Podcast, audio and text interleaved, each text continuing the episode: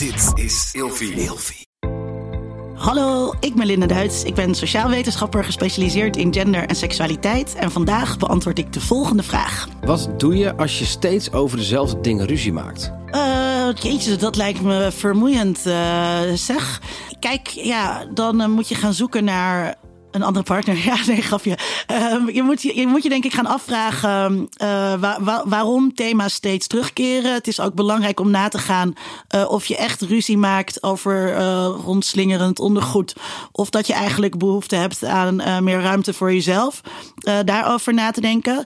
Kijk of er praktische oplossingen zijn. Hè? Dus als je veel ruzie maakt over het huishouden ja, neem een werkster.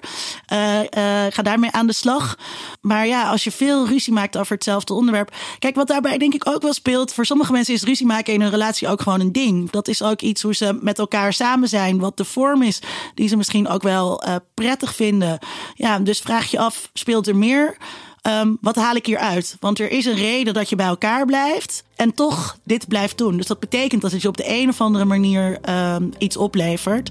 Uh, en dat kan ook zijn dat je angst hebt om, uh, uh, ja, dat je misschien toch ook angst hebt om uit die relatie te gaan.